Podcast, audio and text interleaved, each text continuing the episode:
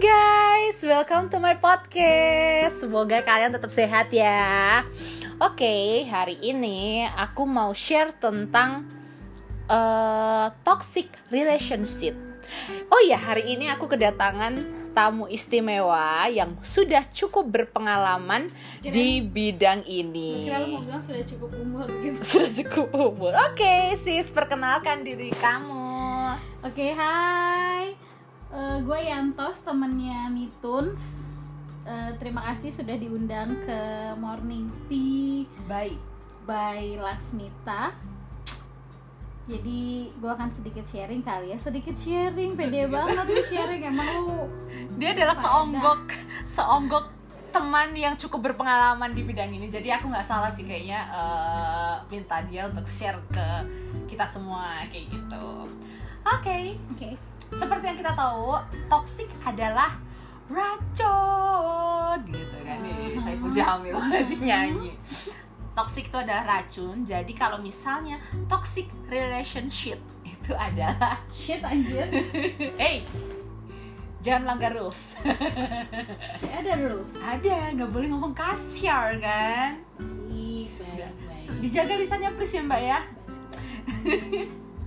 jadi toxic relationship ini adalah hubungan yang bisa merusak jiwa raga emosi kalian kayak gitu. Jadi kalian tuh nanti kan aku akan jelas enggak jelasin sih kayak kayak dosen. Mau sharing tentang ciri-cirinya apa berdasarkan pengalaman hidup ibu Yantos ini. Jadi nanti kalian identify tuh sekalian sambil nyuci apakah ciri-ciri yang kita sebutkan itu kalian alami. Oke? Yang pertama adalah terlalu posesif Oke. terlalu posesif. So they feel insecure or even jealous when the others gets ahead. Jadi kayak kontrol Lagi di mana. Beb? Ya betul. Jadi kontrol freak. Sama jadi nanya, siapa, Beb?" Terus Siapa aja? terus PAP dong. Do, jangan ngomongin PAP kalau misalnya ngomongin PAP tuh kayak gue tuh ngerasa aduh lagi ngomong sama anak-anak Twitter gitu kan anak-anak Oh, Twitter enggak. modnya gitu kan PAP apa Eh, video gitu call kan. dong, Beb. Jangan dah udah Oh. takutnya nanti menjerumus tuh Oh, baik, baik. ke hal-hal yang lebih jauh kayak gitu. Oke, yang kedua adalah ketika kita berada dalam satu toxic relationship itu kita nggak bisa jadi diri kita sendiri karena ada pihak yang mendominasi di situ sehingga kita kayak ngikutin maunya dia kayak gitu. Nah, gimana tuh Bu kalau misalnya kayak gitu? Kayak lu tuh berusaha menyenangkan pasangan lu terus-terusan gitu ya. Jadi kayak yang dia mau kan? Ngikutin aja gitu ya. Ikutin aja terus nggak bisa nge-explore diri lo lebih lagi. kalau misalnya kita suka pakai lipstick warna merah terus dibilang itu terlalu menor padahal kita happy. Jadi terus kita selama kita berhubungan sama dia tuh kita nggak pernah pakai lipstick warna merah kayak gitu gitu ya? Iya, kasihan ya. kasihan banget sih guys Gua pernah kalian itu yang kayak gitu gitu Terus? Jahat banget ketawanya. Ya jadi kalian kalau misalnya dilarang eh, dilarang-larang ya bisa gue bilang dilarang-larang ya. Ya dilarang. dilarang-larang kayak gitu ya kalian harus identify itu sehat apa enggak itu masih Dan- dalam kategori wajar atau enggak gimana? Iya, dan harus dilihat sehat atau enggak, wajar atau enggak. Itu bener enggak ketika dia ngelarang lo itu tepat enggak sih menurut lo gitu? beralasan atau, enggak beralasan gitu ada esensinya enggak dia ngelarang kayak gitu Yap. gitu oke Lanjut, Bu. yang ketiga adalah kayak mencari-cari kesalahan Mhm. gue pernah mengalami ini waktu itu ada sahabat gue kan ninggalin helm di sini ya emang aku suka jalan sama dia gitu Dia suka sahabat ninggalin- ya. Hah? Sahabat. sahabat eh udah dah jangan kayak gitu ah nanti diserang lo kalau misalnya ada helm aku waktu itu kan ada masih ada pasangan gitu. Jadi dia ngeliat tuh helmnya. Itu helm cowok ya yang kayak gitu. Kamu tuh suka jalan ya sama cowok lain gitu gitu padahal itu jelas-jelas helm ais kayak gitu. Terus kayak misalnya kita ganti parfum dia nyari-nyari aja kesalahan kita kan Ais maaf ya namanya dicatat di sini ya Ais. Iya. ya. Sarange, Ais sarange. jadi kayak misalnya kita suka ganti parfum gitu kamu jalan ya sama orang lain kayak gitu gitu lah padahal cuma ganti parfum Kok kamu wanginya beda sih? nah iya kayak gitu gitulah pokoknya cari-cari kesalahan kayak gitu yang keempat adalah menurunnya self care kita, menurunnya self esteem kita, menurunnya self love kita. Kenapa? Ya karena gitu tadi ya Yan ya, karena kita ngikutin maunya si cowok, eh si cowok sih Terus-terusan belum tentu cowok, pasangan kita, pasangan, pasangan. pasangan kita jadi kayak eh ya udah gitu kan. Kita jadi nggak bisa mencintai diri sendiri diri kita sendiri pada sebelum mencintai orang lain kita harus apa? Mencintai diri kita sendiri. Rok, rok, rok, rok, rok, rok, rok. Wuh, rusuh. Nah kayak gitu. Terus kalau misalnya dalam satu hubungan ini yang kelima dalam satu hubungan eh, kalian kan pastinya mencari pasangan yang bisa support kalian ya Yep. support dalam semua langkah kalian kan nggak cuma pasangan loh pertemanan kan ah, pertemanan. harusnya oh iya ini sebenarnya toxic ini kan eh, kita kupas yang sekarang cinta dulu cinta deh. dulu gitu tapi sebenarnya ini bisa ke pasangan bisa even bisa eh pasangan bisa ke teman bisa ke keluarga kayak gitu nah misalnya kalian eh, dalam satu hubungan cendia ada tendensi untuk menjatuhkan kita untuk distract kita gitu kan destruktif gitu kan merusak kayak misalnya eh kita tuh udah mencapai satu achievement udah achieve suatu apa tujuan kita Mhm, tapi mhm. malah kayak kalau kamu nanti makin ma- makin naik lagi tuh nanti kayak gini gini gini mendingan jangan deh kayak kayak gitu gitu ya nggak bisa Hmm. support kayak kita ya kalau enggak hal remeh kayak lo akan dipromot dalam kerjaan lo tiba-tiba nggak usah deh. Kamu kan tahu aku cuma segini aja kemampuannya. Kalau enggak kamu kan tahu kerjaan aku begini gitu. Nah jangan ah, sampai lo lebih melejit tinggi lebih dulu. Padahal kan dia harusnya dia nggak nggak kan- seharusnya kayak dia bertingkah laku seperti kompetitor gitu loh. Iya. padahal kan harusnya partner itu berjalan ya beriringan saling Berjalan mensupport satu sama lain bukan malah kayak jadinya kompetitor Ya, kayak betul. gitu. Nah dan yang keenam adalah satu yang ini nyata banget sih kelihatan bisa dilihat dengan mata. Ada kekerasan. Dan ini kekerasan ini bukan cuman kekerasan fisik. Jadi kayak ada beberapa jenis kekerasan. Nah yang pertama adalah verbal abuse. Kalau misalnya kekerasan ini tuh udah wajar udah wajar udah jelas lah ya. Kayak misalnya dikata-katain dimaki-maki diumpat kayak gitu Hmm, nggak sih. Ya. terus yang kedua adalah ada juga nih guys yang kalian perlu eh, aware lagi gitu adalah financial abuse. Ini bahasa Oke. kasarnya adalah morotin. Pernah nggak ya dulu kayak gitu? Eh gimana ya? Gue pernah nggak ya? Cita deh. Eh jadi kalau misalnya gue sedikit share Hah?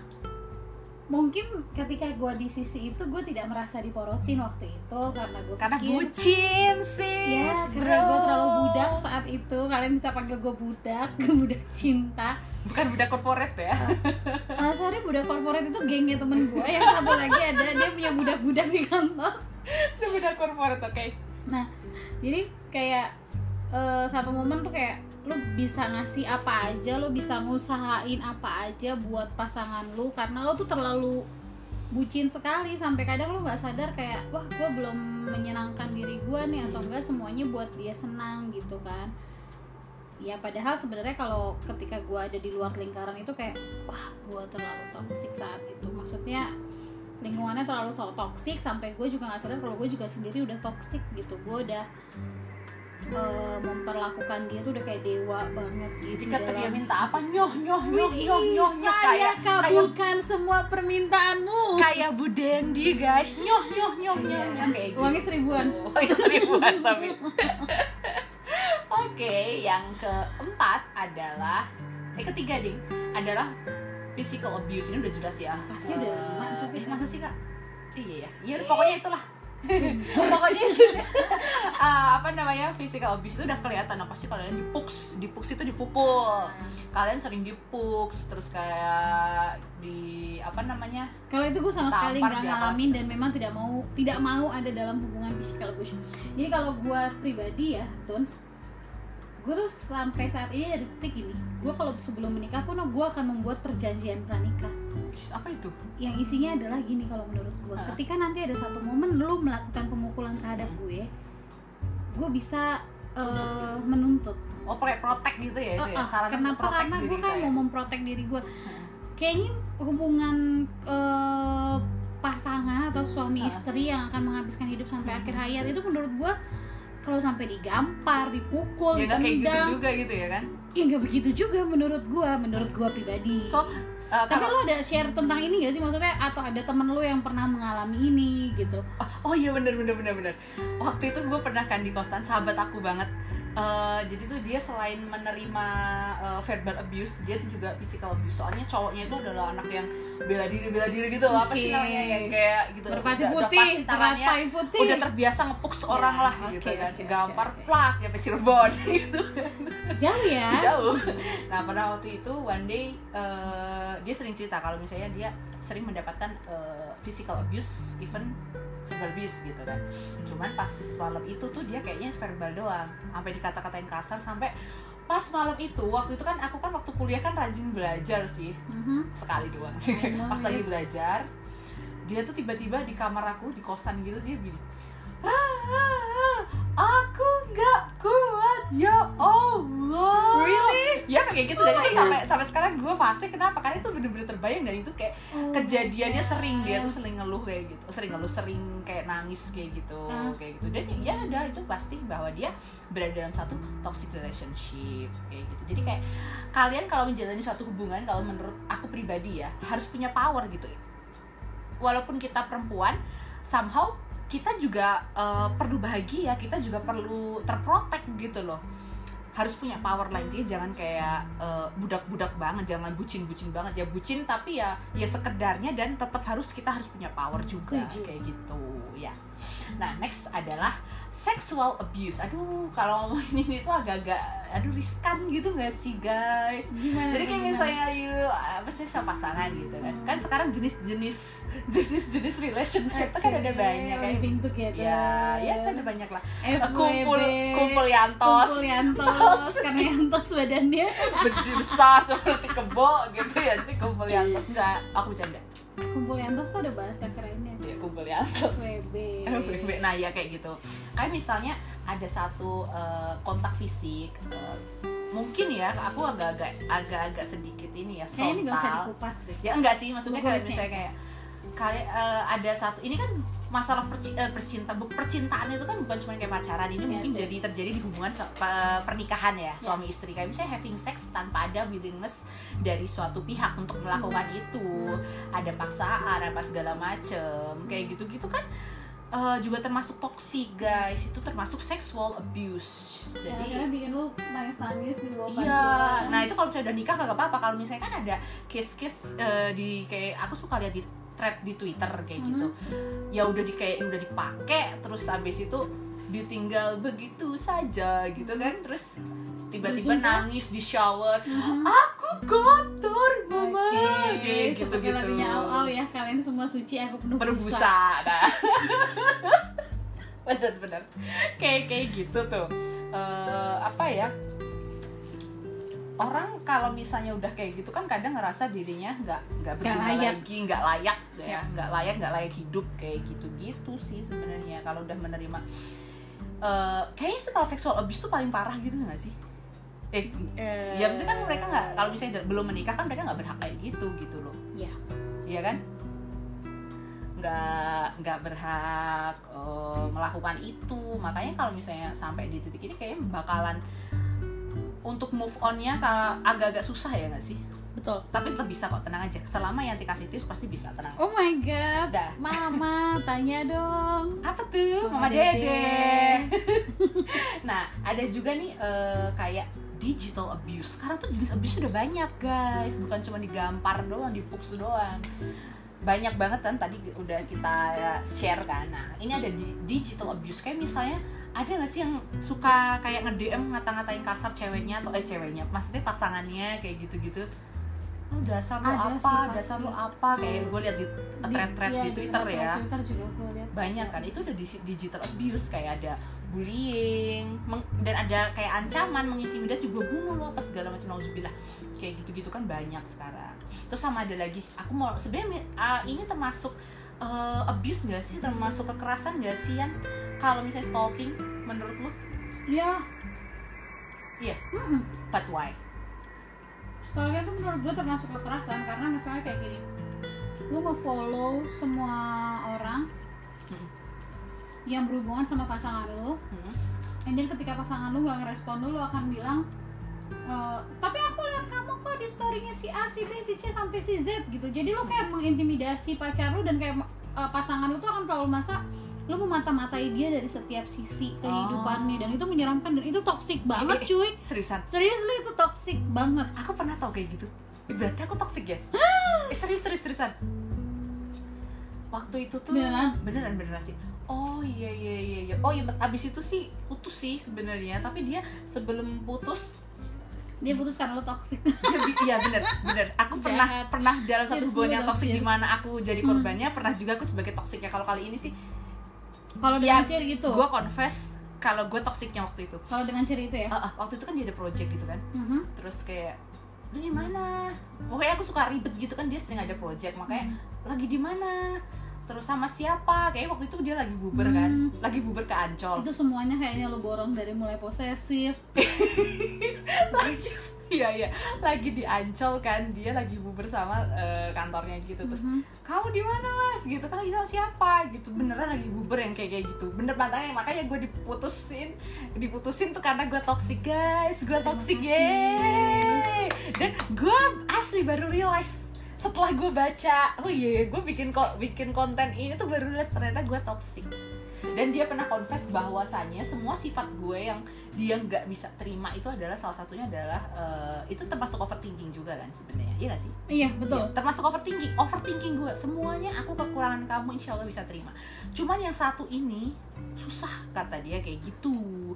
Dan base nya itu kalau kita membina suatu hubungan itu kan adalah trust jadi kalau kalian eh, membina suatu hubungan base yang paling paling penting salah satunya adalah ya, salah satunya yang paling penting adalah trust dan komunikasi ya nggak sih? Agree.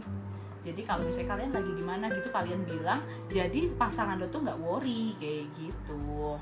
Oke next adalah dampak.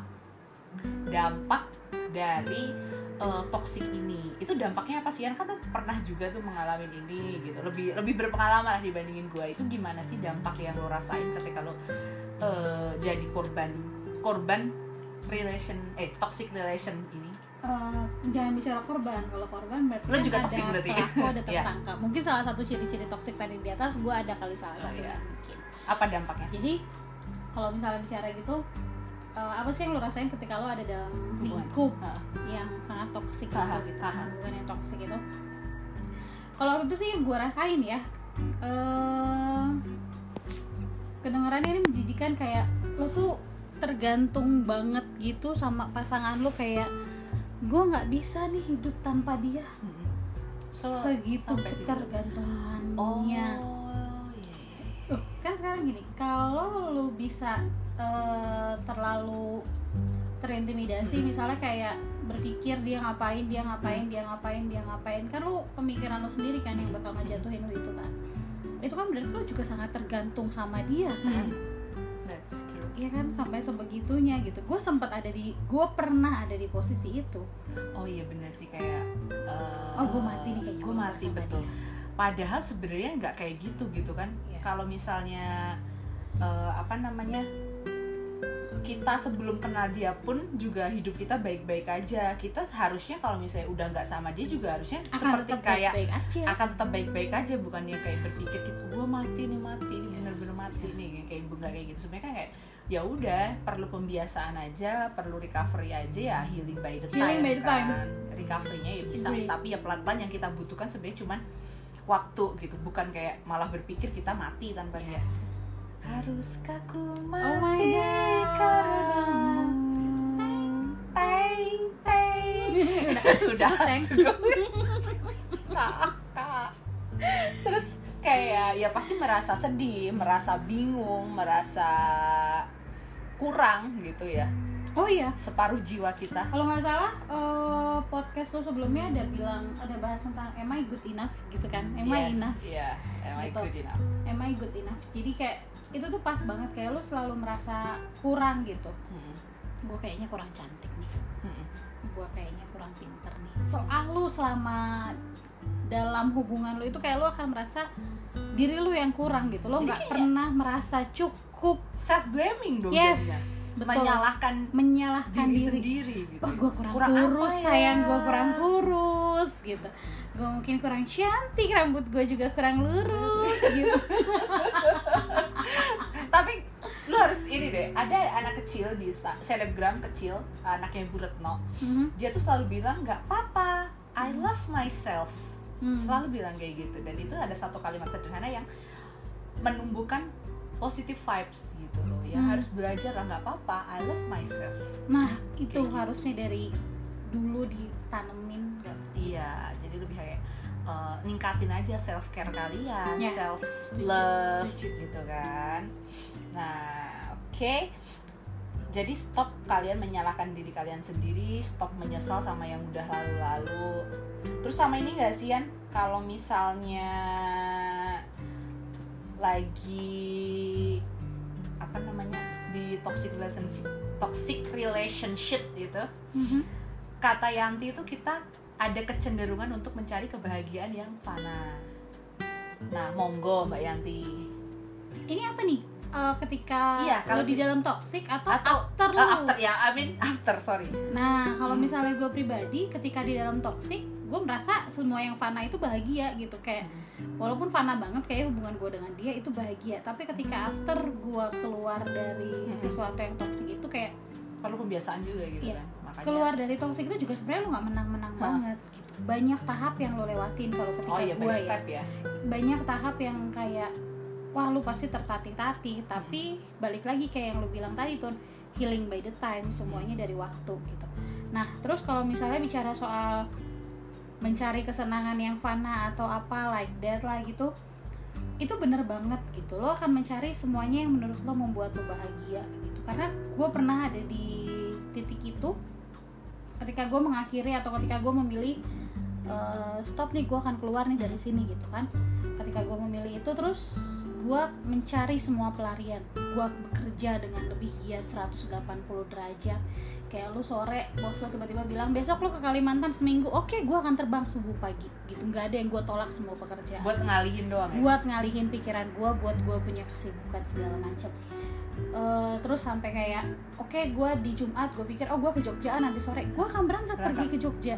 Gue akan pulang Senin pagi. Hal-hal kayak gitu yang kayak mencari kesenangan yang cuma buat bikin diri lo sendiri senang tapi ya at the moment ada satu yang bikin gue gini yakin lo bahagia nih gara-gara gini. Bukannya gue menyesal sudah keluar dari masa toksik itu enggak. Justru gue mengucap syukur sudah keluar dari masa toksik itu. Cuman yeay terima kasih. Cuman kayak ternyata hal yang gue lakukan selama ini mencari kebahagiaan tuh cuma kayak buat ngeres pikiran gue doang ngasih Sementara, ngasih gitu. iya cuma sementara doang ibarat kata eh lo cuma mau cari pelarian sebentar doang gitu Oke.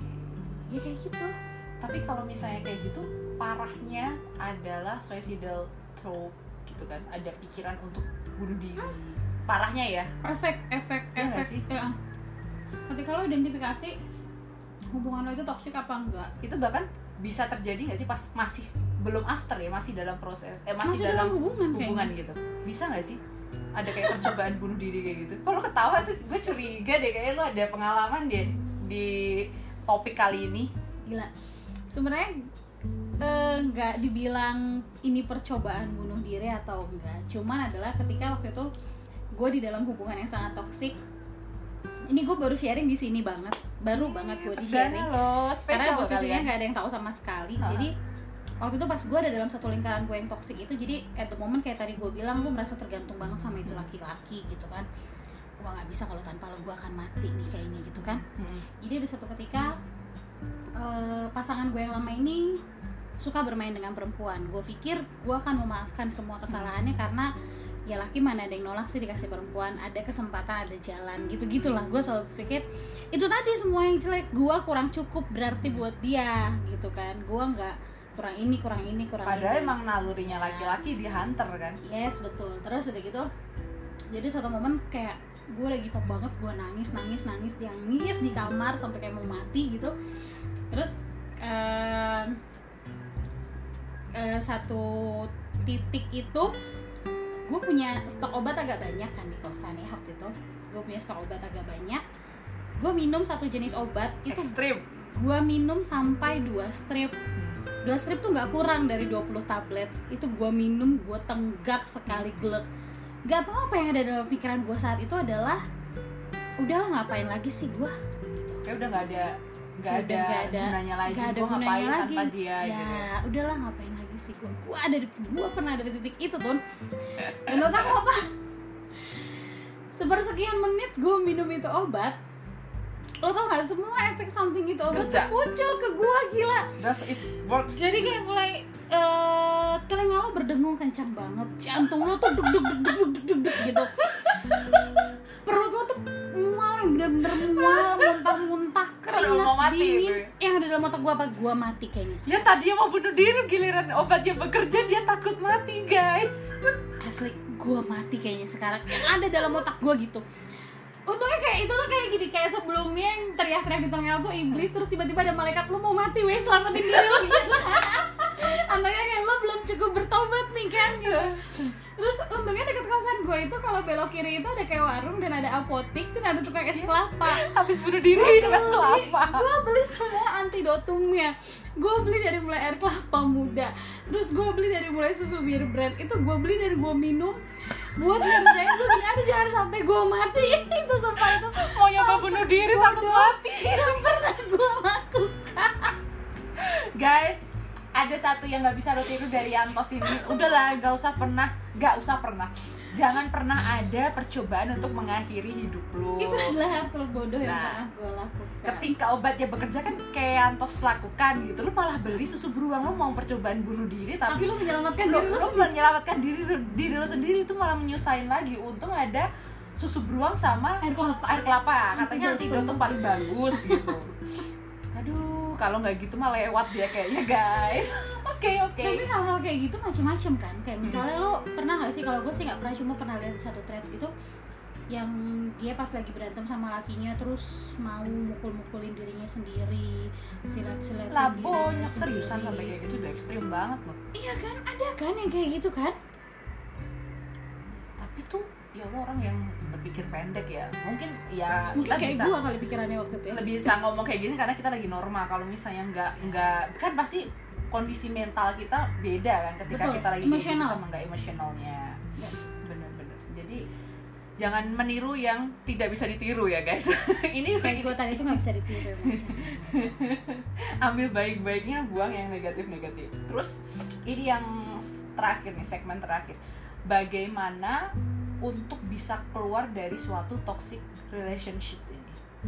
Ya. Oke, ini tanya tentang gue ya kemarin Iya, ya. Gimana iya, caranya gimana? gue bisa keluar dari kan ini kan relate banget nih gitu kan. Oke, kalau gue pribadi adalah uh, dua tahun sebelum gue mengakhiri hubungan gue dengan pasangan gue itu, gue udah berpikir uh, kita mulai baik-baik selesai harus baik-baik nih. Gue kasih spare dua tahun kalau nggak ada itikat baik ya udah kita selesai. Gue pikir gitu. Hmm. Selama mendekati kedua tahun itu, setahun terakhir belakangan, gue udah tahu kalau kapal gue akan karam, kandas, nggak bisa udah 38 diperjuangkan. tahun beliau ini membina hubungannya ya terlalu lama lebih tua dari usia gue oke kita anggap saya hubungan gue udah 38 tahun jadi gue nini nini gitu loh sebenarnya usia Nini Yantos nini antos gila. Terus deh gitu em, jadi satu tahun terakhir ke belakang itu gue mulai ikut banyak seminar. Ikut banyak seminar tentang perempuan. Jadi kayak gimana caranya lo menjadi perempuan yang bijaksana? Gimana caranya lo menjadi perempuan yang menghargai diri lo lebih lagi? Gimana caranya lo menjadi perempuan yang tidak takut dengan kesendirian dan segala macam jadi setahun sebelum gue akhirnya merasa enough untuk itu gue tuh memperkaya diri gue sendiri sampai akhirnya ada satu titik yang kayak oke kita udahan. Oke gue udahan. Gue ngambil waktu buat diri gue sendiri buat introspeksi diri gue sendiri buat lebih mengenal diri gue sendiri. Karena tadi kayak lo bilang kan Ton sebelum lo mencintai orang lo harus mencintai diri lo sendiri. dan ternyata gue itu dulu ketika di hubungan yang toksik itu gue udah terlalu mencintai orang tanpa pernah mencintai diri gue sendiri sama sekali gitu. Jadi Heeh. iya jadi ada jadi di situ gue belajar kayak wah gue tuh sebenarnya berharga loh. Karena Oh. anda begitu berharga. Oh my god ini iklan masuk ngasih fee nggak ya? Enggak sih ini nggak dibayar asli. Oh iya ya Enggak lah. dikasih nasi liwet sih untuk sharing di sini.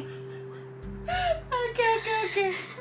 Jadi kalau gue gitu jadi kayak eh, cintai dulu diri lo sendiri waktu itu gue akhirnya belajar mencintai diri gue Hah? sendiri belajar mengenal pribadi gue sampai akhirnya gue bisa berani mengambil keputusan gue akan keluar nih dari toxic relationship itu jadi ada intinya yang bisa diambil eh, dari Yantos tadi itu adalah take your time to increase your self love, Yes. self care. self care Tapi yang keren dari Yanti adalah dia berani sampai ambil seminar ya.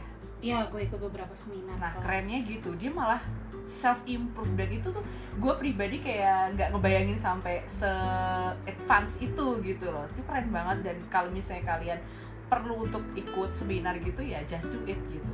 Ikutin Yanti Dan follow Yanti. pas Gitu. seluruh seminar itu jadi ada satu yang bakal gue bagi ke, ke kalian ya ke lo juga ya kan jadi ada satu eh, kalimat yang dia bilang gini eh, lu menikah itu bukan untuk menjadi utuh. Hmm. jadi kayak lu half pasangan lu separuh Hmm. jadi satu not tapi? Tapi lu harus utuh dan pasangan lu akan utuh. Jadi utuh sama utuh, utuh gitu sama utuh. Kalau lu masih separuh lu nggak akan bisa ketika mencapai dia utuh Hmm. itu. Hmm. jadi lu jangan guanya separuh aja pasangan gue yang utuh nat itu salah besar. Jadi lu nya harus utuh, Utuh dulu, dianya juga harus dianya utuh. juga harus utuh. Itu. Jadi kayak gue pas eh, eh, yang bawa sharingnya bilang gitu terus kayak gue kayak gitu. Oke gue salah. Sebelum kita cukup eh sebelum kita mencukupi ya pokoknya kita Lo harus mencukupi cukup, kita harus iya, cukup dulu lo lah harus gitu. cukup dulu untuk diri lo sebelum lo mau mencukupi orang lain. Gak ada itu nonsen lo mau mencukupi orang padahal buat diri lo sendiri aja lo lo belum empty cukup. gitu ya kita Yes. harus cukup. Oke. Oke ah siap. Akan dicatat. Oke Eh, terus take your time untuk apa namanya meningkatkan self love bahkan harus self improve juga gitu. betul. Supaya kita lebih terbuka lagi wawasannya perspektifnya kayak gitu. Harus introspeksi juga. Terus sama kayak trust your intuition. Itu benar iya gak sih? Itu benar banget. Kalau kita udah bilang ini ini menyiksa lo gitu. keluar. Keluar. Lo atau lo harus gimana gitu harus dikomunikasikan atau emang harus keluar. Kalau misalnya masih bisa dikomunikasikan dikomunikasikan supaya dia nggak bener-bener take control terlalu banyak. Kayak gitu. Jadi satu hubungan tuh harus balance. Itu lo harus diem lo harus tanya ke diri lo sendiri percaya sama intuisi lo sendiri. Kayak Iya. gitu. Jadi kalau eh, kayak trust your intuition tuh kayak gini. Kalau waktu itu gue kayak gini ya tuh nih jadi misalnya waktu gue ngambil keputusan gue dan nih gue selesai nih itu nggak ada yang nggak ada yang menyangka gue akan menyudahi hubungan gue 38 tahun Bahkan coy. iya lo bayangin 38 tahun mengarungi bahtera percintaan yang toksik aja oh, maaf maaf. Jadi kayak bahkan sahabat gue sendiri pun kaget gitu. Serius udahan. Yakin gitu. mereka gue kasih tahu ketika gue udah dua atau tiga hari gitu. Ada yang gue kasih tahu ketika gue udah dua minggu Hmm. Dan mereka semua tuh kaget yakin udahan gak ada yang percaya. Karena kayak bertahun-tahun gue dalam hubungan itu dan mereka bilang udahan aja udahan udahan. Sampai akhirnya mereka capek dan ya udah nanti ada momennya lo akan merasa cukup. Dan bener gue ada di momen gue merasa cukup. Gue nggak mau lagi. Di tahun ke 38 di tahun ke 30 Padahal di awal-awal udah ada early warning Yep. dari sahabat-sahabat lo. ya Jadi ketika jangan jangan eh, mengkesampingkan eh, masukan juga sih teman-teman ya kalau misalnya ada orang terdekat kalian ngasih tahu kalian ya mungkin itu bisa jadi early warning yang harus harus harus kalian pertimbangkan kayak gitu. karena kan kadang kalau dalam hubungan yang toksik itu kan tuh lo kayak berasa lo baik-baik aja gitu Tapi karena kita udah ketutup bucin tadi kali ya Yan ya. padahal stiker lo eh stiker padahal sekitar lo itu kan lo nggak baik-baik aja Uh-uh. weh gitu udah ada early warning harus lu harus ini teman-teman meningkatkan awareness lah sama omongan-omongan orang-orang terdekat lu tentang hubungan kalian. Ya, kayak gitu. Betul. terus ya sama yang terakhir nih Yan. Perlu nggak sih Yan menurut Yantos kalau misalnya kita berada entah kita masih dalam hubungan itu atau post post uh, toxic relationship itu ke psiko eh psikopat ke profesional ya men. Perlu nggak? Eh perlu. Eh, kalau misalnya tadi lu nggak bisa nih misalnya ambil waktu buat diri lo sendiri lo nggak bisa ngedengerin teman-teman lo ya ambil aja satu tenaga profesional psikolog or psikiater ketemu aja. Curhat atau apa segala macam. Ketika lo merasa lo sudah butuh Hmm. tapi lo nggak tahu harus ngambil keputusan apa, Apa. atau lo perlu penguatan dari orang lain dan yang menurut lo ya. yang netral menurut lo itu bukan sahabat lo atau bagaimana ya udah ketemu aja Oke guys, jadi ya kan demi eh, apa namanya kesehatan mental kalian, Mm-hmm. kalian jangan pernah takut pergi ke profesional. Jangan takut dianggap gila atau segala macam. Kalian tuh baik-baik aja, cuman sebenarnya kalian tidak baik-baik aja kayak gitu ya nggak sih? Kadang tuh paradigmanya yang salah gitu. Kayak semua orang yang pergi ke psikolog semua orang yang pergi ke psikiater itu dipikir wah Gila. mentalnya sakit nih. Wah gila Mental nih orang. Ya. padahal enggak. Tuh guys, dengerin ya. Jangan pernah kalian eh, apa namanya sungkan kalau misalnya emang kalian bener-bener butuh. Jangan peduli lah kalau dibilang gila apa segala macam. Karena kan sebenarnya kalian baik-baik aja cuman sebenarnya nggak nggak baik-baik aja kayak gitu. Cuman gara-gara takut dikatain gila doang makanya sampai nggak mau ke profesional gitu. Take it lah kalau memang itu perlu gitu diperlukan. Oh iya eh, next kita bisa sharing kali ya tentang materi-materi yang di seminar lo itu kan eh boleh banget. Boleh buat minggu depan boleh. Boleh banget boleh. Gue akan bagi. Oke guys, nanti minggu depan akan ada Yantos lagi atau mungkin di selang-seling kali nanti iya. pesan. atau nanti di pertemuan selanjutnya atau bisa nextnya lagi nanti kita akan arrange waktu lagi untuk collabs lagi. oke Oke deh, ini kita udah cukup ngocehnya. Takutnya kalian panas tuh kupingnya. Oke, makasih banyak udah dengerin Yantos sama Mitun ya. Oh, terima kasih Terima kasih banyak. gue harap sih teman-teman yang bisa dengar podcast ini mulai identifikasi dirinya Oh iya bener, masing-masing identify deh Kalian apakah sudah berada di satu hubungan yang benar Atau masih dalam satu toxic relationship Gitu. Oke deh, makasih banyak ya teman-teman ya. Do stay safe, tetap pakai masker Sering cuci tangan, bawa hand sanitizer Oke, oke. Bye. Bye